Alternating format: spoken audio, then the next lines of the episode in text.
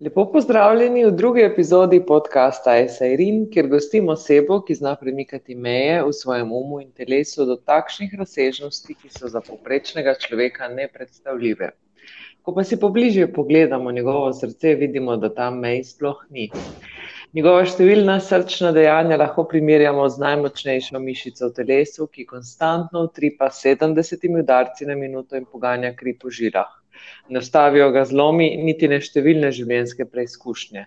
Ne ustavi se tam, kjer bi se marsikdo ustavil, tako kot srce, ki se pri svojem utripanju, ne glede na vse, do konca ne ustavi.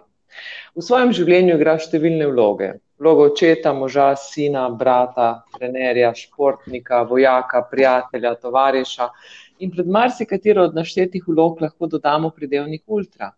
Ta pridevnik lahko dodamo tudi, ko rečemo človek. Včasih štejem, da gostim Mateja Markoviča, ekstremnega športnika, velikega humanitarca in ne nazadnje tudi moškega z veliko začetnico. Dragi Matej, lepo pozdravljen. Lepo pozdravljena, Irena. Pred nekaj tedni, ko sem razmišljala, kdo bo moj prvi moški gost, si ravno objavil, da izide tvoja knjiga in odgovor je bil na dlani, pa ne zato, ker se midva ne bi imela o čem pogovarjati, ampak ker je bilo pomembno, da v bistvu preberem knjigo in sestavim delčke tvoje zgodbe v celoto. Najprej iskrene čestitke, knjiga nosi naslov Moja pot, kakšni so občutki? Uh, najprej hvala lepa, seveda. Uh, ja, v bistvu so taki občutki mogoče malo nečist definirani, no. Uh, ker na eni strani seveda sem vesel in ponosen na to, da sem uspel po dolgih letih uh, vreči knjigo ven, ne, da sem jo uspel napisati. Hkrati pa seveda, tako je doskrat, uh, ko enostavno eno zadevo, za ki jo si jo dolgo časa želiš, zaključiš, ne, potem kar nastane ena taka praznina uh, ob tem, ampak bom rekel, no, če, če potegnem črto, sem zelo zadovoljen, da, da sem to naredil in sem uh, presrečen, da lahko mogoče, uh, da bom lahko mogoče s to knjigo tudi nekomu pomagal. Zagotovo. Jaz sem knjigo v bistvu v zelo hitrem času prebrala, človek jo kar poje, no, ker je enostavno tako polna vsega, uh, da te kar posrka vase. Um, že nekaj časa v bistvu verjamem, da ni na ključi in da se nam določene stvari zgodijo ali pa prekrižajo pod znamenom. Na nas pa je potem, kako jih bomo recimo upletli v svoj življenjski scenarij. Torej, kot da bi pogledali na scenarij na ta način, da elementi obstajajo, režija pa je v naših rokah. Kako ti gledaš na te stvari in kateri so tisti elementi, um, ki si jih ti zrežiral v svojo nepozabno zgodbo? Ja, vsekakor res uh, verjamem to, da se človek uh, ne sme nikoli ustaviti. Uh, na vseh področjih v življenju, ne, tako kot uh, recimo ne smeš nikoli verjeti neke svoje cilje, ki si jih postaviš, uh, lahko v mojem primeru, recimo na področju humanitarnosti, na področju športa, konec koncev tudi na področju starševstva in partnerstva. Ne. Nikoli se ne smeš nehati truditi, ker ko se nehaš truditi, v bistvu takrat se ustaviš, ugasneš in dejansko se zgubiš v neko, nekem univerzumu. Uh, tako da sem pač zmer težil k nečemu, zmeraj sem iskal, zmeraj sem odprta oči, napeta ušesa. Uh, moja lana žena prav, da, da skozi neki grebam, ne skozi neki iščem. In, uh, jaz doskrat rečem, ne, tako, da, da, da ti potuješ po univerzumu, ne, greš mimo nekih določenih planetov. Uh, in seveda, zdaj, če, če si ti imaš črto to pot uh, začrtano, ne, enostavno lahko greš mimo določenih zadev, ki, ki te obogatijo, ki ti na nek način spremenijo tvojo pot. Uh, in Če sem pa človek, ki, ki, ki, ki na tej svoji poti se ustavim na vsakem planetu, pos, poskušam tam uh, najti nekaj dobrega za mene, za človeštvo na splošno. Uh, in iz vsakega tega planeta nekaj majhnega odnesem uh, naprej na svojo pot, in pač rezultati pridejo slej in prej. Uh -huh. Ja. Uh, meni se zdi eden pomembnih, to, kar zdaj v bistvu govoriš, pa da se navežem, eden pomembnih obratov v življenju posameznika, ko spoznaš, da si dejansko odgovoren za to, kar se ti dogaja. Tako, kot si rekel, potuješ, se ustaviš in vzameš, ali pa greš naprej, ne? ti pač se odločiš in vzameš zelo velik. Um, ker ne glede na vse, imamo vedno možnost na isto situacijo odreagirati strahu ali pa iz ljubezni, kar pomeni, da imamo nekako moč v svojih rokah in da nismo žrtve lastnih življenj. Pri tebi je ta čut za sprejemanje odgovornosti neverjetno močan. Ti enostavno daš vedeti, da če sodeluješ pri vzroku, ne moreš zanikati posledic. Zakaj se ti zdi, da se ljudje tako bojijo sprejemati odgovornost za svoje dejanja? Imaš morda kak na svet? Ja, jaz mislim, da, da so ljudje fajn počutijo, oziroma vsaj v narekovajih fajn počutijo v tem svojem mehurčku, ne, kjer dejansko so na nek način varni, ampak hkrati so seveda omejeni. Ne. In uh, jaz mislim, da predvsem strah pred uh, neuspehom je tisti, ki jih, uh, ki jim preprečuje za to, da bi šli iz tega mehurčka ven, da bi spoznali svet, da bi mogoče izkusili nekaj novega, da bi dosegli nekaj več v življenju. Ne. Dejstvo je, da kdorkoli je kdarkoli dosegel, ne, uh, je mogel, je mogel pasta. Ne, ne enkrat, dvakrat, trikrat, ampak mogoče stokrat. Ne. Tudi jaz sem na vseh svojih področjih, kjer bom rekel, lahko rečem, da sem vsaj zase uspel, ne, uh, sem imel številne pace. Ne, in, uh, zdaj, če, če to primerjaš z neko, z, z neko goro, ne, pač ljudje so, so bom rekel, pripravljeni ustati uh, v znožju te gore in se zadovoljiti z pogledom, ki je tam, ne na mesto, da bi recimo mogoče tvegali spol na gore in, in šele takrat uh, videli, kakšen razgled uh, se ponuja oziroma kaj se ponuja življenje. Ja, ali pa celo, kar je še bolj žalostno, včasih odnehal en korak pred vrhom. Ne? Ja, vsekakor. Je... To, to, je, to je pa enostavno tisto, kar, kar v bistvu mogoče mene še najbolj recimo, zaznamuje, to je, da, ne, da pač nikoli ne, ne odneham. Ne? In uh, zmer, tudi takrat, ko sem jim mnogi rekli, Matej, ustavi se ali pa Matej, uh, ne vem, to pa ni prava pot, sem nekako sam vse verjel, da, da je prava pot. Uh, in na koncu se pravi, kot sem rekel, se nekaj stvari mora poplačati. Ja, ti, ko veš, da vrh obstaja, pač najdeš pot, da prideš gore, enostavno tako. Tako je. Eh, Mi dva smo se spoznala pred petimi leti, uh, dva dni po projektu Srce Sloveniji 2. Uh, ena sodelovka, ki jo oba poznava, me je navdušila. Da sem se vam pridružila na treningu. Bilo je zelo zanimivo, ker me je na prvem treningu čakalo simboličnih 1200 ponovitev, toliko kilometrov, kot si imel ti za sabo. Um, zagotovo, če bi mi kdo to povedal, me največ ne bi bilo na ta trening, ampak ok, je bila fajn izkušnja. Uh, ne omenjam tega zato, ampak omenjam zato, ker je to bil res fascinanten projekt. 1200 km, vsi tvoji projekti so fascinantni, ta je bil nekako cel paket. Mogoče, ne vem, skozi moje oči, ko te še nisem poznala in sem ga kot ena v bistvu um, gledalka, udeleženka družbenih omrežij in medijev spremljala, mi je bil res fascinanten. Da povej nam uh, malo več o tem projektu. Ja, srce Slovenije dve je v bistvu bil uh, nadgradnja, srce Slovenije ena. Nekako smo se odločili, da poleg ostalih naših humanitarnih projektov, deset krogov za deset nasmehov in pa rutin tek na bledu, uh, damo še nekaj več. Jaz sem želel pač uh, neke svoje triatlonske izkušnje uh, zmešati z humanitarnostjo. Uh, želel sem to predstaviti, seveda, v Sloveniji, vse z namenom, da ponesemo po Sloveniji neko pomembno sporočilo, to je, da moramo pomagati ljudem, ne? da Slovenci imamo veliko srce, tako veliko, da, da lahko pomagamo dejansko vsem. Uh, In uh, pač iz tega se, se je rodila ideja o ekstremnem triatlonu, ki je takrat v bistvu na srce Slovenije dve se, bil sestavljen iz 30 km plavanja, prepravili smo celo slovensko obalo, uh, potem smo kolesarili Slovenijo 900 km in na koncu smo pretekli 250 km v obliki srca.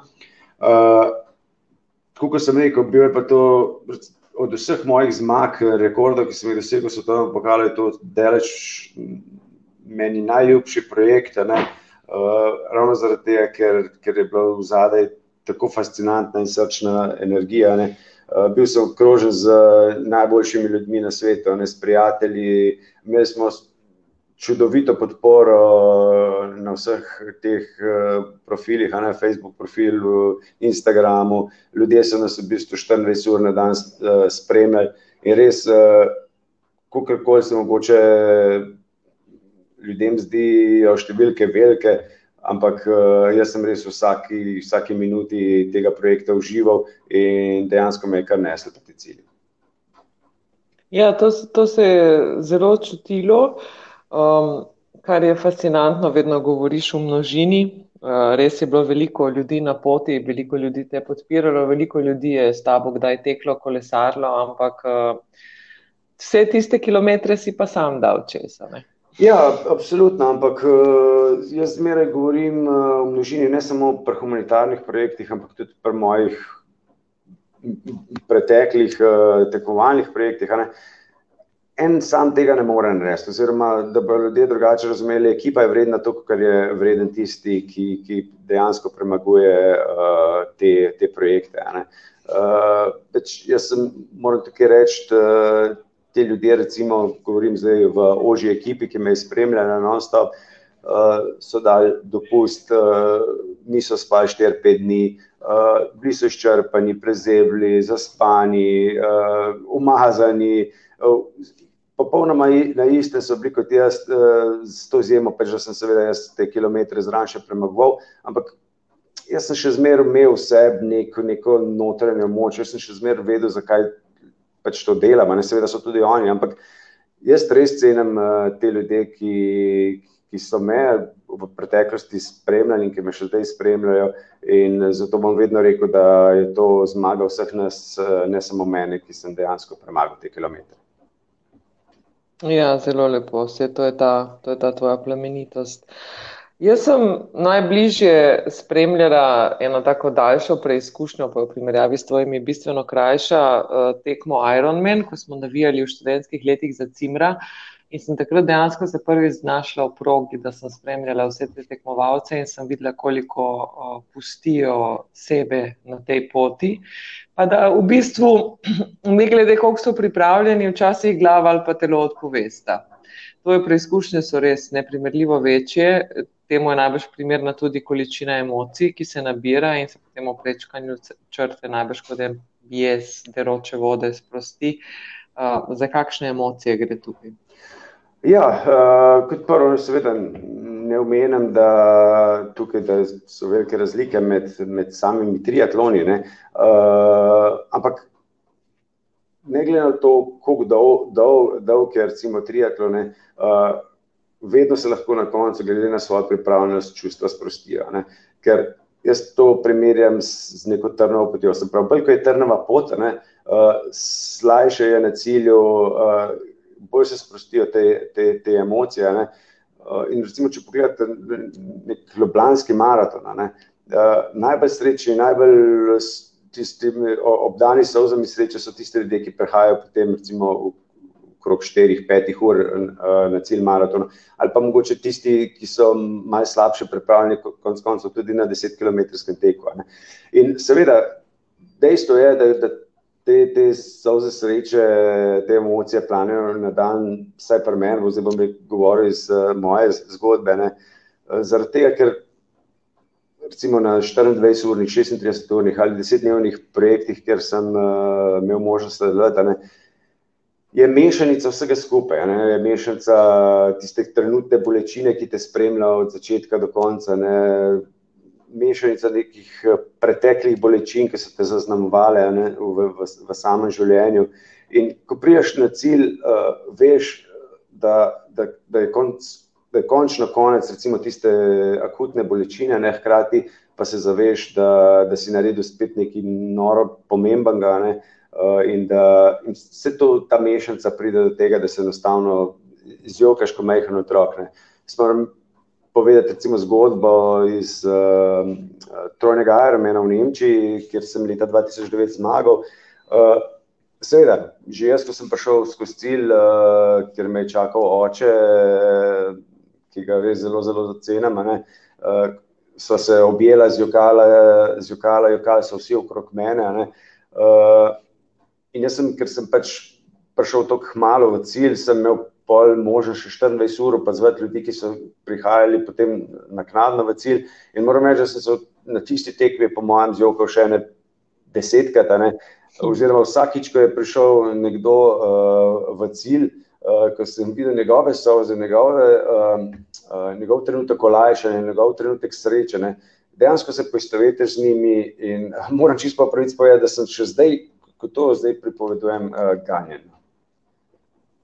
Torej, fantje vendarle tudi jokajo. Uh, vsekakor fantje jokajo, ne, zdaj, uh, bom rekel tako, jaz, jaz imam ene taka dva pola, ne, na, eni, na eni strani seveda provam skozi te svoje tekme pa z, z svojimi podvigi pokazati na nek način moč enega tigra, ne, po drugi strani uh, se pa brez problema z jokom tudi ob čist navadni risanki, ki jo z otroci gledamo, uh, tako da, da v bistvu me že kar malo zafrkavajo doma, ne, ker enostavno uh, čim je neka taka malce romantična risanka ali karkoli, uh, tati tako joka. jaz sem spoznala čudovite osebe z velikim srcem, vsi jih poznamo. Uh, spoznali smo pa tudi nekatere, ki zaradi svojega čudovito velikega uma, dejansko, ki jih ima v oblasti, jim preprečuje, da bi res živeli v, v vsej svoji polnosti. Ego je zelo koristna stvar. Potrebujemo ga za dosežke na različnih področjih, ampak nas res ne sme imeti oblasti. Moramo vedeti, da je čas, da se omakne z poti, da lahko nastopi srce. Pri tebi se zdi, da to dvoje zelo dobro funkcionira. Kakšne so izkušnje? Kako si podaja ta roko? Ja, vsekakor v bistvu uh, brez ega pač ne moreš uh, nekaj doseči, ne, ne moreš uh, stopiti iz tistega že prej omenjega um, mehočka. Ne. Uh, ampak še zmeraj primarno, vse pri meni je srce. Ne. To je to, kar mi narekuje življenje. Eh, seveda, ego si želi uh, mnogo stvari, ne, cilja na zelo visoko, ne, ampak če se zaveš, uh, da je srce tisto, ki, ki je primarno, ne, potem pač ego izkorišča samo tiste luknje, ki ti jih srce dopusti. Uh, zdaj, da, bo, da boste razumeli. Ne? Gre za to, recimo, jaz imam še zmeraj velike, velike ambicije. Uh, tako v športu, tako na področju humanitarnosti, na področju poslovnega sveta. Uh, mnogo je teh ciljev, ki, ki, ki jih imam jaz v glavi, ne? ki jih mogoče poznajo le redki.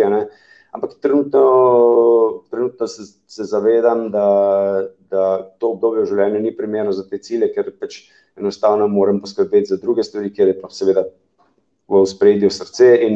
Pač tukaj mora, ljudje morajo vedeti, uh, se morajo zavedati, uh, kaj je tisto, kar je najpomembnejše uh, v življenju. In to je vsekakor srce oziroma ljubezen.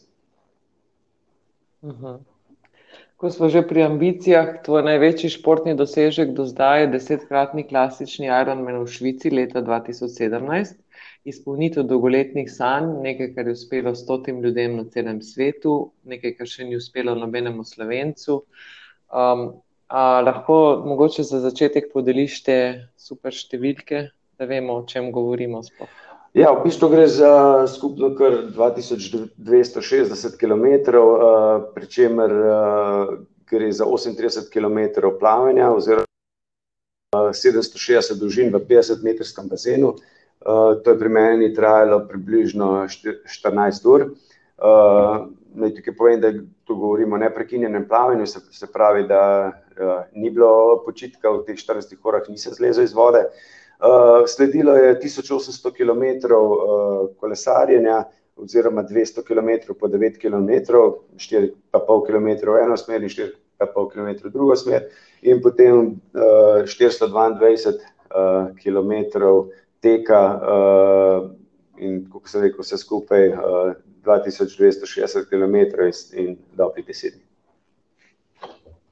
Ja, nepredstavljivo za kogarkoli od nas, zagotovo tudi zelo naporno za spremljevalna člana ekipe, kot izpostavljaš v knjigi. Um, eno napo anegdoto poveš, ko so te pozabili zbuditi in ste spali šest, celih šest ur. Je bilo to najdaljše spanje v teh desetih dneh? Ja, uh, vsekakor je bilo to najdaljše uh, spanje.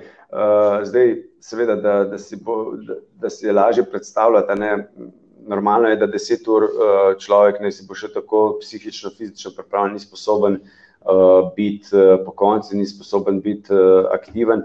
Uh, tukaj ne omenjam še to, ne, jaz sem zaradi vseh svojih obveznosti, ki, ki sem jih imel, v, oziroma ja, ki sem jih imel v življenju takrat, ne, in danes je tega še več, seveda.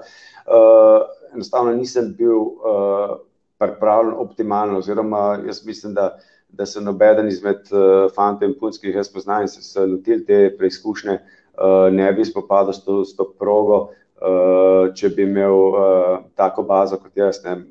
Moram povedati, da, da celoten kilometrina v celotnem letu je bila manjša, kot sem jo mogel v bistvu potem uh, narediti v teh desetih dneh.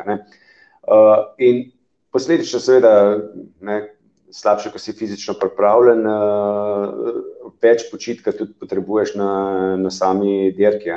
In, ampak kljub vsemu smo nekako mi računali na to, da bi spal dve do tri ure na dan. Uh, to je seveda neka teorija, ne? v, praksi se, v praksi se to popolnoma vsakič eh, poruši. Ampak plan je bil takrat, da, da grem zdaj se že malo pozabim, ampak recimo, da gremo polnoči spat in da me ekipa ob dveh zjutraj uh, zbudi. Uh, na koncu je spadlo tako, da sem se ob šestih zjutraj zbudil sama, ne, zbudil preostale dva člana ekipe, uh, ki sta seveda bila v tistem trenutku tudi izčrpana, ne, uh, neprespana. Uh, ampak tak, kakšen sem jaz, ne, sem se vsemu temu nasmejal, ne, Eh, seveda sta zaradi tega to poslušala potem še, še celo dirko in pa še kar nekaj mesecev kasneje, ne, uh, ker sem jih pač zbadal zaradi tega, ampak v glavnem preživeli smo, šli smo naprej in prišli do cilja. Mm. Ja, nasplošno, ko sem brala v knjigi, ko si se ti odločil za kako tako večjo preizkušnjo, um, si se tako odpravil, da bi šel pač malo v center na en drink. Pa Ja, bi... Tako ima človek občutek, pa se mora včasih kar malo spomniti, da to ni z motornim vozilom ta razdalja, da ti dejansko greš to svojim lastnim telesom, da če je tako zanimivo. No? Ja, to je res, je, mislim, tako zanimivo. Jaz, uh, to je zgolj glava. Uh, to je, kako si ti uh, postaviš svoj cilj ne, in kako si pripravljen za ta svoj cilj garati. Zdaj, zelo zanimivo je, da jaz recimo ko grem na trening, ko grem teč. Če mi nekdo reče, da boš pa 20 km prelaufal na treningu, bi si rekel, da si ti znor. Enostavno 20 km je meni zdaj za trening ogromna številka. Ne? Uh, in ravno zadnjič, zadnjič ko smo šli z ženo na sprehod, ne, se, ne vem, kako je prišlo, je prišlo prišla zadeva na, na številko 200 km. Ne, in sem rekel, jo, 200 km, pa, pa kdo je sposoben 200 km uh, premagati. Ne? Takrat, ko sem bil pa na tekmi, se pa prav spomnim trenutka, ko sem seveda že vse odplaval, vse od kolesarov, uh, pretekel že preko 200 km in sem rekel, wow, blismo, blismo, samo še 200 km moramo teči in smo na cilju. Da, dejansko je glava tista, ki, ki te vodi naprej. Ne? Če sem tukaj sreča, da, da imam zelo močno glavo, eh, glavo, ki se na srečo ali pa na žalost ničesar ne boji, ne? nobene preizkušnje ne boji. In, uh, do zdaj me še vedno pripeljalo do cilja. Mm. Ja, meni je bilo tudi to fascinantno, ko pišeš, da, da si imel samo 200 km do konca po tej megalomansko dolgi razdalji in da si vedel, da bo ekipa naredila vse, da te spravi do cilja. Ne? Tako 200 km, torej moraš še preteč po 2000 km, pa veš, da bo ne, da bo ekipa naredila vse, pri čemer te seveda ne nesejo, pa ne peljejo, ne, vendar le si ti sam s temi bolečinami in z vsem, kar je že za tabo. Uh, ja, ti tvoji pokloni ljudem ob tebi so tudi v bistvu zelo fascinantni, pa zelo lepi. Tukaj na tej preizkušnji piše še o neurju. To, jaz sem si kar slikovit film predstavljala. Neurje, medtem ko kolesarite, nizke temperature, hude bolečine, omrtvičene roke, bolečine v zadnici, da niti ne omenjamo. Um, pišeš o solidarnosti med sotekmovalci, spoštovanju, sočutju, emocijah in potem omeniš eno majhno figurico supermena. Ja, v bistvu uh, desetih dneh se ogromno stvari zgodi. V desetih dneh Eh, predvsem, ko si ti uh, izčrpan, ne, psihično, fizično, ne, takrat se sprožajo tiste pristne emocije. Ne? Takrat ti postaneš uh, dejansko uh, človek, kakršen si. Ne? Takrat padejo vse maske dol uh, in takrat se, takrat se ljudje vidijo, kdo si. In zato marsi kakšen ekstremen športnik uh, druga uh, v takih trenutkih pokaže drugo, brez ker mogoče prijatelji ali pa javnost poznane. Pač jaz bom rekel, imam tukaj spet, uh, rekel si štejem v čas, da, da ostajam tako, kot sem. Ne? Čist navaden Matej, ne glede na to, v kakšni fazi sem. Uh, bilo je res v teh desetih dneh cela paleta enih vremenskih pojavov. Uh, tekma je bila v Švici, vozili smo ob eni reki, ki, bom rekel, bilo je to avgusta, ne? se pravi, nekako, če si nasli, prikažemo neko sliko, recimo vročo, vroče, vem, avgustos, vroče avgustovski dan, ne, kolesariš ob, ob reki, veterček mal piha, uh, super je vse, ne, ampak dejansko je zadeva uh, bila popolnoma nasprotna, ne, v enem trenutku je bilo, je bilo čista vročina, tako da so nekateri celo v samih kopalkah kolesarali, ne, uh, v drugem trenutku je, je ta reka in mrz uh, tako močno pritisnila, ne, da, da, je, da je dejansko smo navlekli na sebe uh, popolnoma vso opremo. Uh, Deževali je, bilo je hudo na ure, tako hudo na ure, da je lumil drevesa in v bistvu le malo je manjkalo, pa bi najbrž končal dirko tam, ne saj se po mojem 10-20 metrov stran od mene se podrlo drevo. Uh, bilo, bilo je res uh, hudo, konc koncev tudi posled, bila je posledica tega, kar sem prej omenil, ne, se pravi, uh, po man, manjko mojih kilometrov, predvsem na kolesu, ne, uh, kjer, kjer so roke in uh, zadnjice, oziroma rit po domače, sta tiste, ki, ki, ki odneseta najslabše. Ne. Uh, tudi pri meni je bilo tako, tako, da smo na koncu mogli res uporabljati vse možne kreme za, za protibolečinske kreme, na koncu je to že izpadlo tega, da nisem več nič čutil in vem, se zdi smešno. No? Se tudi meni je bilo tiste trenutke, ampak ko sem šel na malo potrebo, niti nisem imel ob, dobrega občutka, kaj se dogaja, ne? ker so bile roke mrtve. Um, mm. Bilo je, seveda, uh, moram omeniti ja, to uh, solidarnost, kar si tudi omenila. Uh, to je, to je z eno besedo, ena velika, srečna družina. To se pravi, vsi ti tekmovalci, ki so tam, to niso tekmovalci, kakor mogoče vidimo na nekih krajših razdaljah, recimo krajših triatlonih. Ljudje pridejo tam, to so v, v osnovi popolnoma navadni ljudje. Vsak, vsi imajo svoje službe, nobeni profesionalci imajo svoje službe, družine, obveznosti. Uh, pridejo tja zato, ne zato, da zmagajo v prvi vrsti, ampak da premagajo same, sami sebe, da, da, da premaknejo svojo mejo uh, spet za tok in tok uh, metrov. Recimo, uh, vsi so pripravljeni si ti pomagati, ne samo tekmovalci, ampak ekipe. Tako da, karkoli si v katerem koli trenutku uh, potreboval, si enostavno šel v naslednji šotor, uh, so ti tam pomagali, in pa se je seveda zgodba uh, ponovila. Uh, moram reči, tukaj recimo primer, jaz, ko, na koncu, ko smo tekli, sem uh, uh, Aleksandri Majsnica, to je avstrijska tekmovalka, ki je imela tako tekle noge, ne, da ni mogla več svojih eh, superkov biti posodo svoje. Pa čeprav sem jih kasneje videl, da, da bi jih jaz potreboval, ker so meni tekle noge. No. Ampak niti za trenutek mi ni bilo žal, ker sem vedel, da sem uh, nekomu pomagal. In to je, to, je, to je en tak poseben čar. Uh, teh eh, ultratriatlonske družine. Ne. Na nek način se lahko mogoče malo primere z srce Slovenije, ne, ker, ker sem prej omenil, ker, ker je bilo vse skupaj eno, eno velika ljubezen. In tudi tukaj na, na ultratriatlonu je, um, je vse skupaj ena velika ljubezen, ljube, predvsem ljubezen do življenja. Ne. In ne na zadnje, tista figurica Supermana ne, me je res uh, se dotaknila in še danes je pri meni na, na varnem mestu ne, in ima poseben pomen.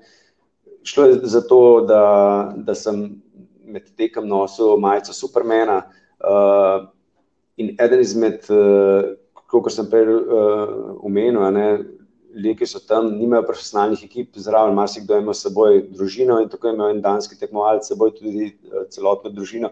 In sin tega tekmovalca mi je na enem izmed krogov podaril majhno uh, figurico Supermana in moram reči, da sem, da glede na vso utrujenost, ki je bila že takrat in uh, to res prečudovito gesto fantka, uh, sem se enostavno zlomil in sem uh, zajokal in jokal kot majhen otrok in uh, jaz mislim, da je kar nekaj krogov trajalo, da, da sem se pomeril uh, in mislim, da je bilo takrat še 100 km konca, ampak v 100 km ta figurca ni zapustila moje roke. Wow. Um, čez celo knjigo se prepletajo smeh in solze, kot tudi opisuješ, in tudi kot je tvoje doživljanje življenja. Uh, Bravcu daješ občutek, da pograbiš čisto vsako priložnost univerzuma za rast, uh, naj bo na neurja, tako silovita. Uh, na koncu pa vendarle zaključi s klasičnim scenarijem romantičnega filma, Najbrž to pomeni, da si tudi sicer romantik. Ja, vsekakor sem romantik, večni romantik, verjamem v ljubezen. Uh, uh, verjamem, da, da je življenje prečudovito, ne, ne glede na to, kako pademo, kaj vse se nam zgodi. Uh, še posebej smo mi, ki živimo recimo v Sloveniji, ne, ki živimo tem, na tem varnem področju ne, uh, sveta, uh, območju sveta res blagosloveni s tem, no, da, da imamo pitno vodo, da imamo hrano, da imamo streho nad glavo, uh, da lahko se sprehajamo uh, po, uh, varno po ulicah. Če bi ljudje v bistvu se mečken, uh, zamislili nad tem, kaj imajo, ne bi znali toliko bolj ceniti to in bi mogoče iz, iz, iz, te osnove tudi znali veliko, veliko uh, več zgraditi. No. Mm.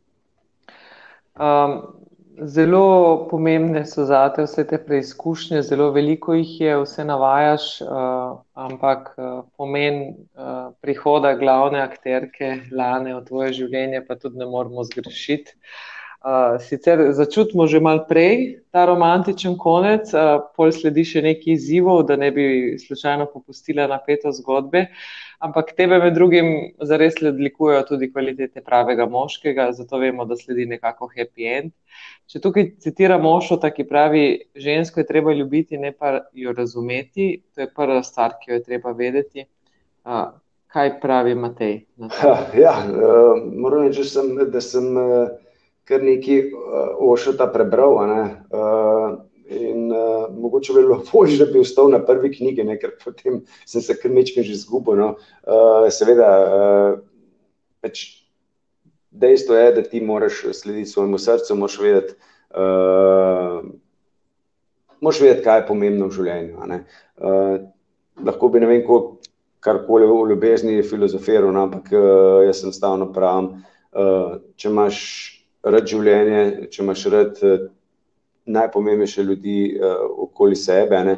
Če imaš rad nasplošno ljudi, uh, potem je vse skupaj popolnoma preprosto. No. Mm. Lana je tvoja žena, najboljša prijateljica, življenjska sopotnica, mama tvojih dveh otrok. Njena energija se je čutila že na posnetkih projekta Srce Sloveniji.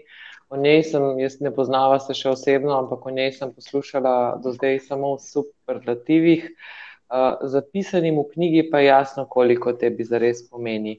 A je lahko za moškega kaj več kot stoprocentno uh, sprejemanje in podpora strani svoje srčne izbranke, in ali je lahko za moškega kaj več kot to, da osreči svojo žensko? Uh, ne, v bistvu jaz sem, uh, bom rekel, kar dolg časa v bistvu Eh, čakal na, na tako osebo kot je Lana, ne, ker, um, ker marsikaj mar, mar eh, se mi je zgodilo v življenju, kar bi mogoče nekoga odvrnil od uh, rekel, vere v, v pravo ljubezen. Ne.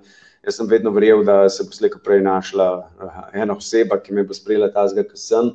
Uh, in da bo lahko skupaj v sožitju naredila eno lepo pravljico. Uh, Uh, res, uh, šest let nazaj uh, se je pojavila Lana ne, in uh, bom rekel, čeprav moram tukaj reči, da, ne, da, da je mogla biti kar pogumna, oziroma mogoče celo malo nora. Ne, pa naj tukaj eno anegdoto povem, ne, da ko so sedeli pri uh, družinskem kosilu in ko je Lana povedala za mene, ne, uh, je.